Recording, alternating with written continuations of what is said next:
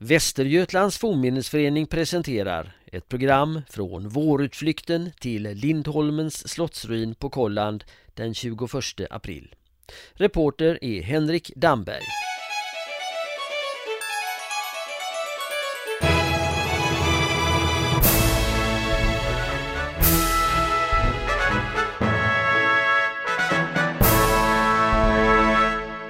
Vi befinner oss vid Lindholmens slottsruin på Kolland. Och det är en jättefin vårdag här den 21 april när vi spelar in det här. Vi går under några stora lindar som är till höger om oss och slottsruinen till vänster. Jag och Ragnar Sigsjö. Och runt om oss här så ser vi, ja det här är ju en vik eller en del av Vänern här och på andra sidan har vi Kollandsö, eller hur? Jo, i själva verket så är ju det här en väldigt viktig inomskärssegelled. Man föredrog ju det här i äldre tider att segla så mycket inomskärs som möjligt. Eh, en inomskärsled som är eh, kontrollerad i väster utav den medeltida borganläggningen Jarlehus och i öster utav Skansen vid Ullersund. Här fanns eh, en liten hamn för borgen och angränsande byggnation. Eh, så att eh, idag verkar det väldigt eh, fjärran från all redlighet men då var det ganska centralt i beläget. Mm. Och Lindholms eh, slottsruin här, vad ska vi beskriva? Ja, det är alltså, eh, man ser väldigt tydligt här vad som är kvar efter borgen. Beskriv vad vi ser, Ragnar? Ja, alltså eh, själva anläggningen började byggas i sten under eh, 1500-talets eh, mitt kan vi säga, i grova drag. Sen har den då byggts om väldigt mycket fram till 1792 då det, brann, då det brann, inte brändes ner men då det brann sista gången. Och sen har det under den här perioden då ändrat modets växlingar. Från början var det en sned rektangulär anläggning med ett runt torn. Och det slutade med att man byggde ett torn till så det blev symmetriskt och sen byggde man eh, torn vid södra fasaden så att det blev ett eh, praktfullt litet 1700-talsslott på slutet helt enkelt. Och det finns ju en teckning, en, eh, eh någon som har eh, gjort en bild, avbildat eh, slottet och det är ganska likt. Från 1687 eller i alla fall tidigare än 1687. Mm. Ja, beskriv vad vi ser. Ja, alltså det är en, eh, en, säga, en pamflett av hur denna magnifika anläggning i fransk stil med en jättestor trädgårdsanläggning på, eh, på Smedjeön norr om här med bro över och sen är det flygelbyggnader och ja, mycket storstilat. Och utav det här så blev det ju inte särskilt mycket av. Nej, det är ju inte, det här är vad man tänkte sig att det skulle bli. Så ja, säga. det är mm. ingen ärteckning utan om man säger ärteckningen som det blev så är det huvudbyggnaden med två flygelbyggnader och sen en bro över till Smedjeön där man eh, byggde en, eh, bland annat en badstuga som eh, var mycket imponerande och imponerade på den tidens adelsbesökande här ute. Carl Linné beskriver den i lyriska ordalag bland annat. Och sen byggdes det också här under 1500-talet ett hospital, ett Eh, Sankt Görans hospital utav Ture Jönsson Tre Rosor. Det fick eh, ganska kort livslängd men eh, det vittnar ändå om en sorts karitativ verksamhet över eh, fattiga och sjuka som en och annan storman ägnade sig åt. Ja, Ture Jönsson Tre Rosor, kanske är han den mest kände som har bott här. Det var ju, han var ju en av ledarna bakom Västgötaherrarnas uppror. Han gillade uppenbarligen inte vad som skedde då under Gustav Vasas tid att man slängde ut katolicismen. Vad, vad vet vi om Gustav Jonsson Tre Rosor och, och Lindholmen? Ja, alltså det var ju han som etablerade i stort sett eh, den stenbyggnaden här ute om jag uttrycker det så. Och, eh, Eh, han fick ju inte njuta frukterna så länge eftersom han, eh, som du sa, protesterade hej vilt mot reformationen och kanske inledningsvis framförallt på Västerås riksdag 1527 mot indragningen av både klockor och kyrksilver. Och eh, det här fick han ju ganska snart eh, sona med livet då han blev avrättad. Eh, jag tror det var i Halmstad lite senare. Så att eh, han var en av dem som initierade det här bygget egentligen men det blev inte så långvarigt för hans egen del. Och det var han som grundade ett hospital. Ja. Vad var tankarna bakom det?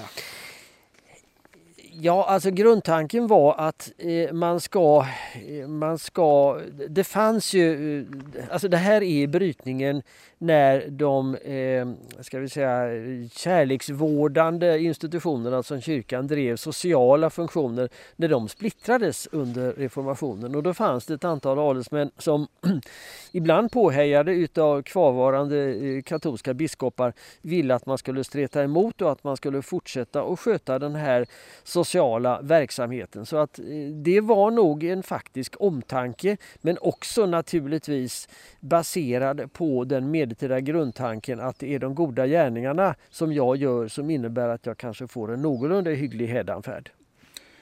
Så ska man se det som eh, någon form av kritik mot eh, Gustav Vasa att eh, Gustav Vasas politik ledde till att många av klostrens kyrkans eh, sjukvårdsinrättningar lades ner. Ja, praktiskt taget samtliga och det blev inte någon ersättare från staten, i varje fall inte omedelbart. Och det var många som reagerade mot det här. I viss mån ganska osjälviskt tror jag man kan säga. Och det gällde inte bara Ture Jönsson Tre, Rosor, tre, tre Rosor. Men eh, här var det väl han som, som eh, statuerade ett exempel egentligen. Mm. Och så berättar du om det berömda badhuset. Det var ju så att eh, Carl von Linné, han var ju på en västgötaresa och badhuset här vid Lindholmen var något av det han besökte. Och varför tror du att Carl von Linné valde badhuset vid Lindholmen som av, en av de platser han besökte?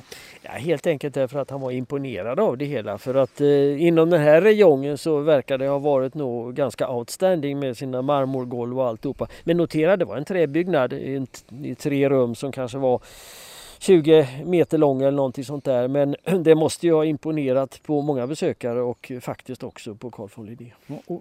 vilka var det som använde det?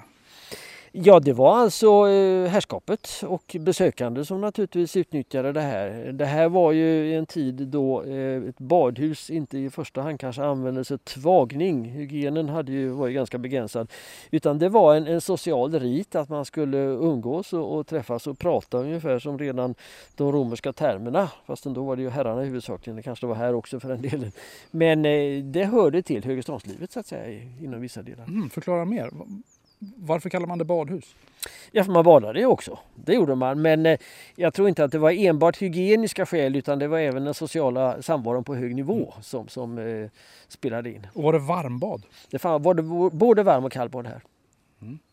Eh, det är ju lite tidigare än vad säga, det här med eh, brunnsorter och, och Ja, det, det är tidigare. Och det är ju lite ovanligt egentligen därför att eh, det förekommer ju i alla tider kvalificerade badrum men eh, det här var någonting lite speciellt. Och, eh, eh, jag vet inte vad man hade för möjligheter till bad och tvätt i borgen här. I själva verket så har man faktiskt eh, hittat en eh, del av en vattenkran i brons av samma typ som i Varnums kloster här inne och jag är lite konfunderad vad det, vad det här betyder men eh, jag tror att eh, skulle man tvaga sig så fick man nog ge sig över till, till badhuset. Det skedde nog inte i själva bostadsdelen, jag tror inte det. Mm. Slottet ja, det är eh, som på bilden här.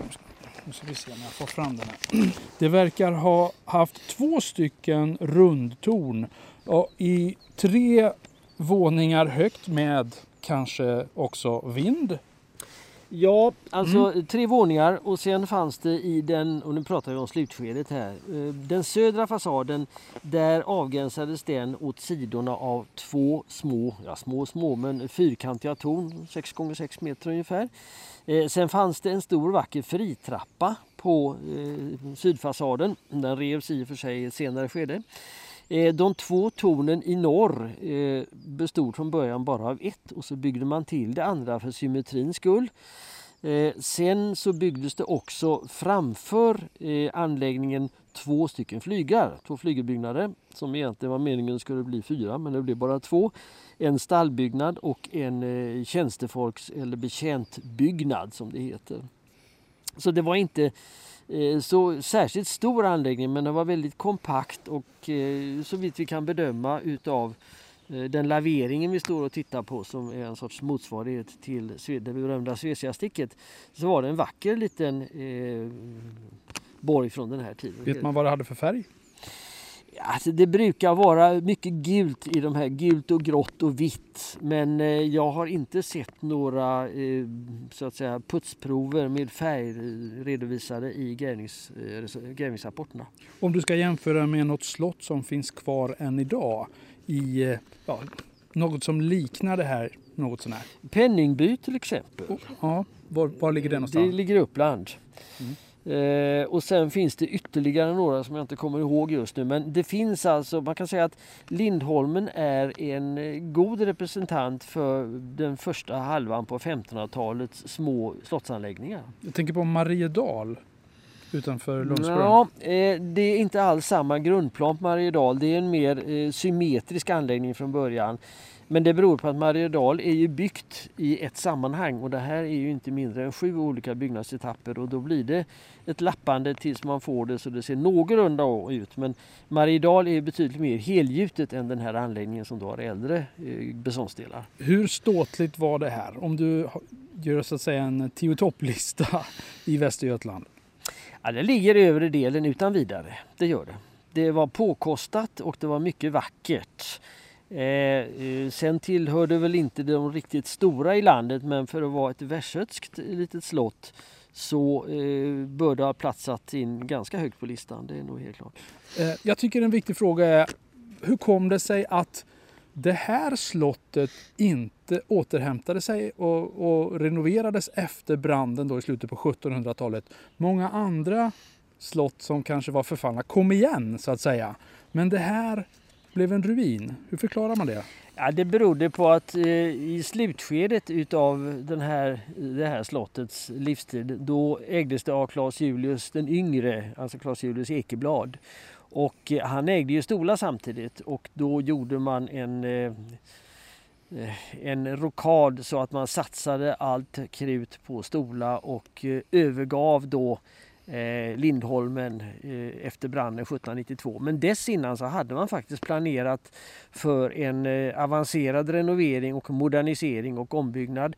Men efter branden så tappade man lusten och intresset och kanske ekonomin för det också. Så problemet var att eh, Lindholmen ingick i alltså det större godset då, Stola. Och eh, då var det där som ägarfamiljen bodde och, och, inte här. Ja, man satsade på Stola. Man hade inte behov av den här anläggningen längre då, utan fokuserade sig på, på Stolanläggningen som dessutom sannolikt är äldre, men det är en annan historia. Bodde folk här de sista decennierna? För... Ja, här har alltså bott människor in på 1930-talet eh, åtminstone ja, okay. som sommarbostad i en av flyglarna. Mm. Okay. Men bodde det någon i slutet de sista decennierna för 1790-talet när det brann då? Nej, det stod mer eller mindre övergivet i en 40-50 år på slutet. Mm. Okay. Um, ehm, idag är det privatägt, uh, ruinen här och marken och den fastighet som tillhör här. Eh, och lite okänt skulle jag säga. Ja, eh, det är faktiskt så att själva ruinen ägs av Stiftelsen Västergötlands museum. Eh, omgivande mark delas av privata ägare så att det är en något splittrad ägobild. Men det ligger lite avsides. Det görs inte mycket marknadsföring för det. Och det är lite synd för att det skulle ju utan vidare gå att göra ett bra besöksmål för intresserade turister som är alltså lite speciellt intresserade av det här. Här finns två flygelbyggnader varav den ena eh, är i sådant skick så att den skulle kunna gå att rädda och den andra skulle kunna apteras till ja, servering för turister eller motsvarande. Men idag får man ju nästan ha GPS för att hitta hit ut och veta om att man ska slå in Lindholmen. Eh, det var mycket mer centralt beläget under 1500 och 1600-talet när man kunde lägga till i hamnen här nere. Idag får man läsa på innan man hittar hit. Mm. Och vi blickar nu, ja, norrut blir det va här, över det här sundet och eh, där borta var det ju tänkt att man skulle bygga jättelika trädgårdsanläggningar som vi har på den här skissen här. Eh, men det blev inget av eh, det.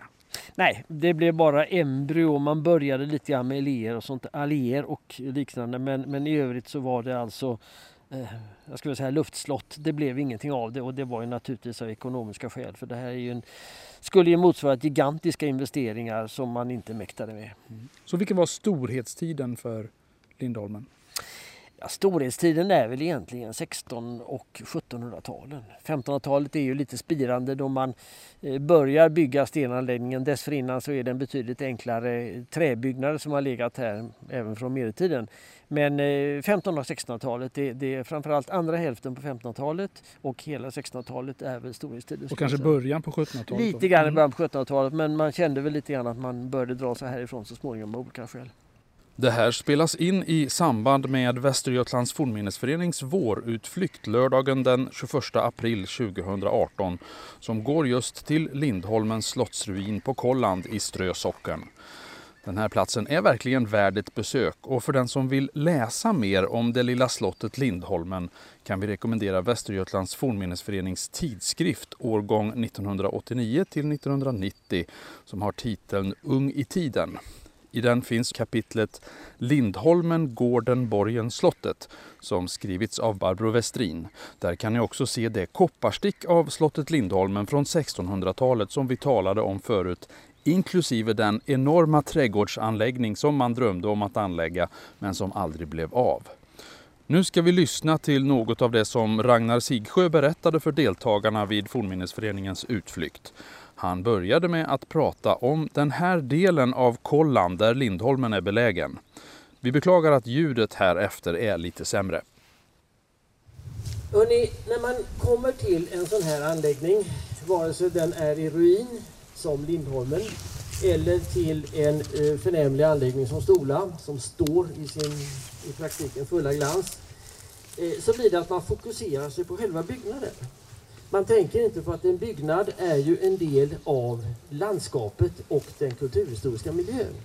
Och därför tänkte jag att jag skulle ge lite grann jättekort bakgrund om den kulturhistoriska miljön. En gång i världen så döpte jag den här delen utav Västergötland till det glömda Västergötland.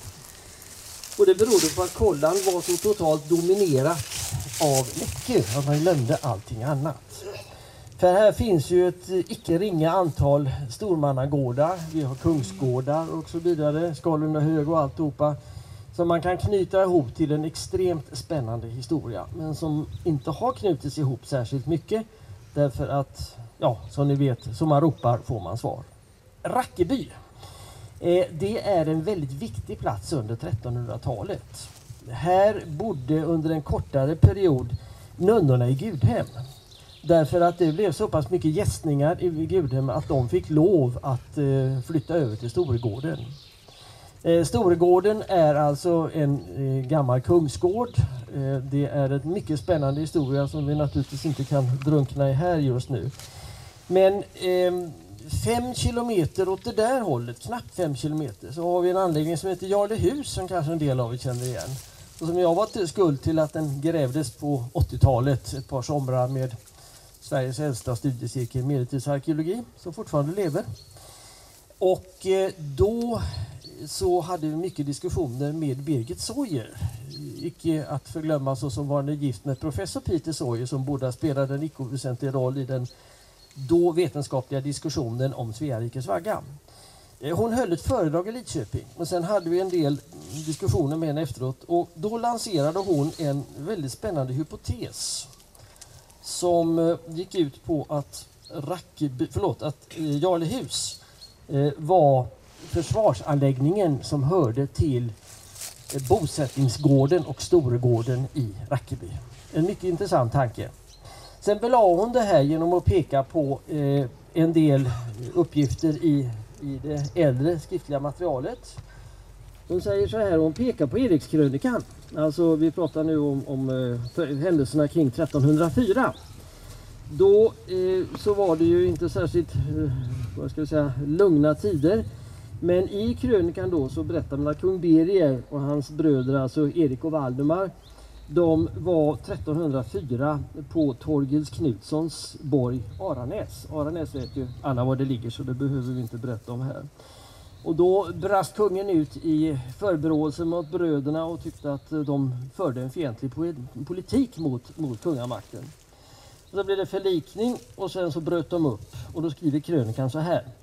Dädan foro de alle sänder, hälsades väl och tog oss i händer. Folket tog sig sönder strö. Det här kan betyda antingen att de strödde ut sig, fördelade sig och drog åt söder. Eller också att de gick till Strö.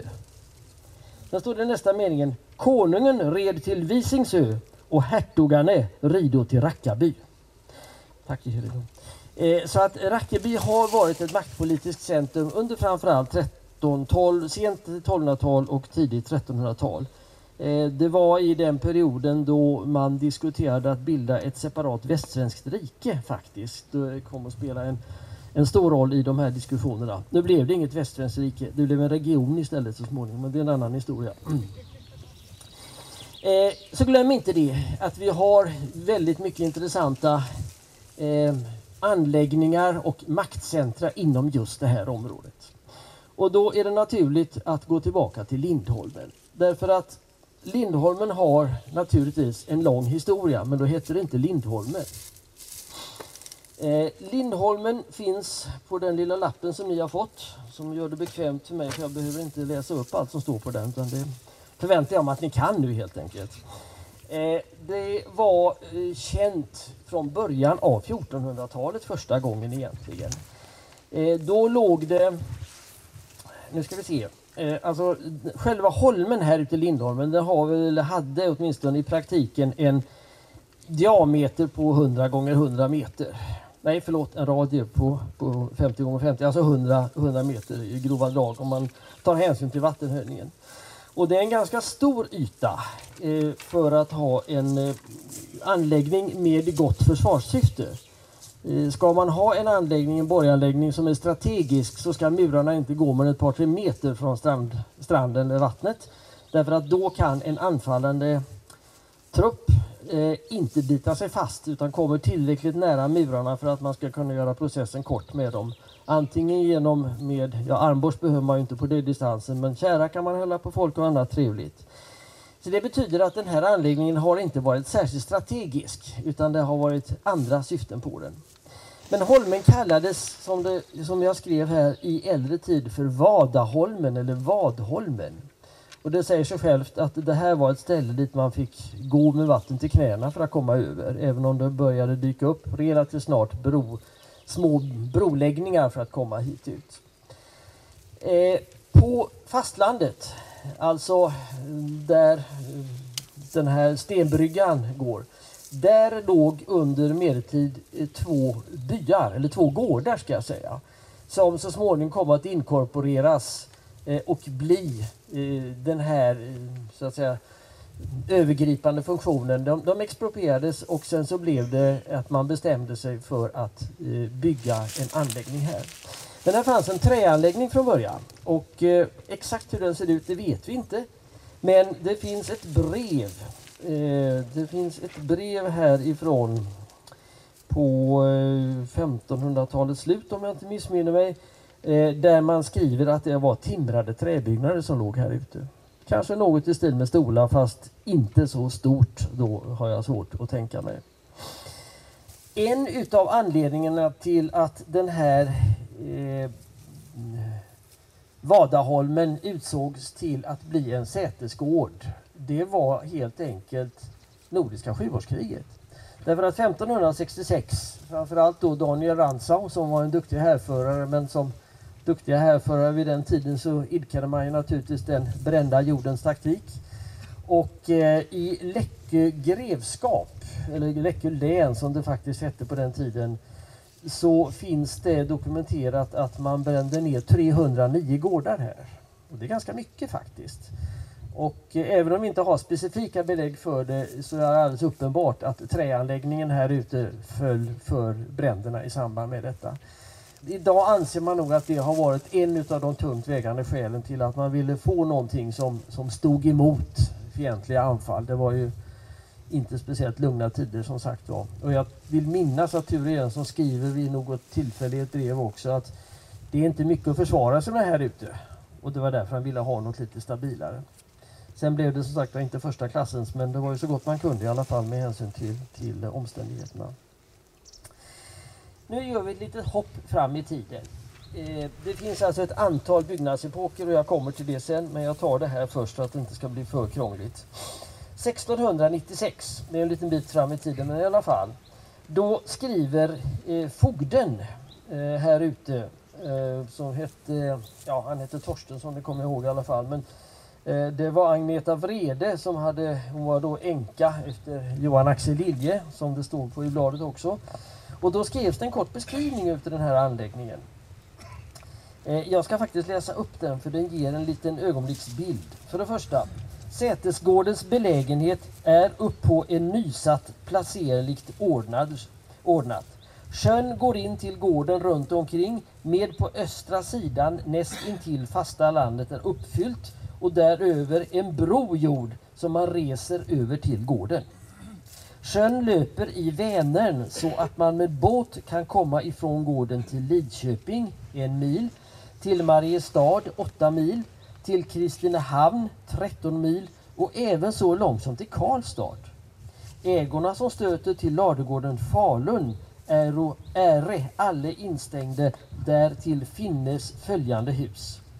Möjligen la ni märke till namnskylten Falun på vägen hit också. Det är alltså den gården som, som avses i den här beskrivningen. Sen kommer vi till själva den här byggnaden. Och då skriver han så här. Det är alltså en beskrivning till en plan och den planen har jag varken jag eller ni tillgängliga här just nu. Ett stort stenhus täckt med spår. Dess avritning är att se en, det är littrabeteckningen. Nedersta våningen alldeles färdig och alla rummen ganska väl möblerade. Men övervåningen och vinden har här tills varit under byggnad och fullbordan. Varandes förutan. Stor sal, alla logementerna nyligen under tak av bräder. Golv, spisar, dörrar och låsar färdiga och arbetas nu så småningom med valvbågar och lister till gången. I övervåningen av timmermannen och snickaren vardera allenast tvenne dagar om veckan som för torpen de åbor av ifrån bägge sidorna på stenhuset. Borggården instängt med plank nedre mot huset med svarvade pelare. Nedan före på ena sidan är stallet. Det är alltså den byggnaden rakt fram. Eller rättare sagt dess föregångare. Eh, stallet. En lång byggning av furu och tall. På andra sidan är en tre, träbyggnad om två våningar. Där nere. Dess föregångare. Där betjänter och allt folket har sina rum. Vilken byggning synes stå många år utan reparation. Men stallet måste med snaraste hjälpas emedan det lutar ganska mycket. Eh, ja, sen skriver han om päron och äppelträd i trädgården och så vidare, men det, det kan vi lämna därhän just nu. Jag ska också säga det innan vi går in på byggnaden lite mer i detalj att det finns ett mycket rikt källmaterial om den här anläggningen. Kanske framförallt därför att den under senare perioder eh, ofta tillhörde släkter som i olika sammanhang var befryndade med De la Gardie. Och källmaterialet finns till stora delar alltså i det Lagardiska arkivet som är gigantiskt och som finns i Lund.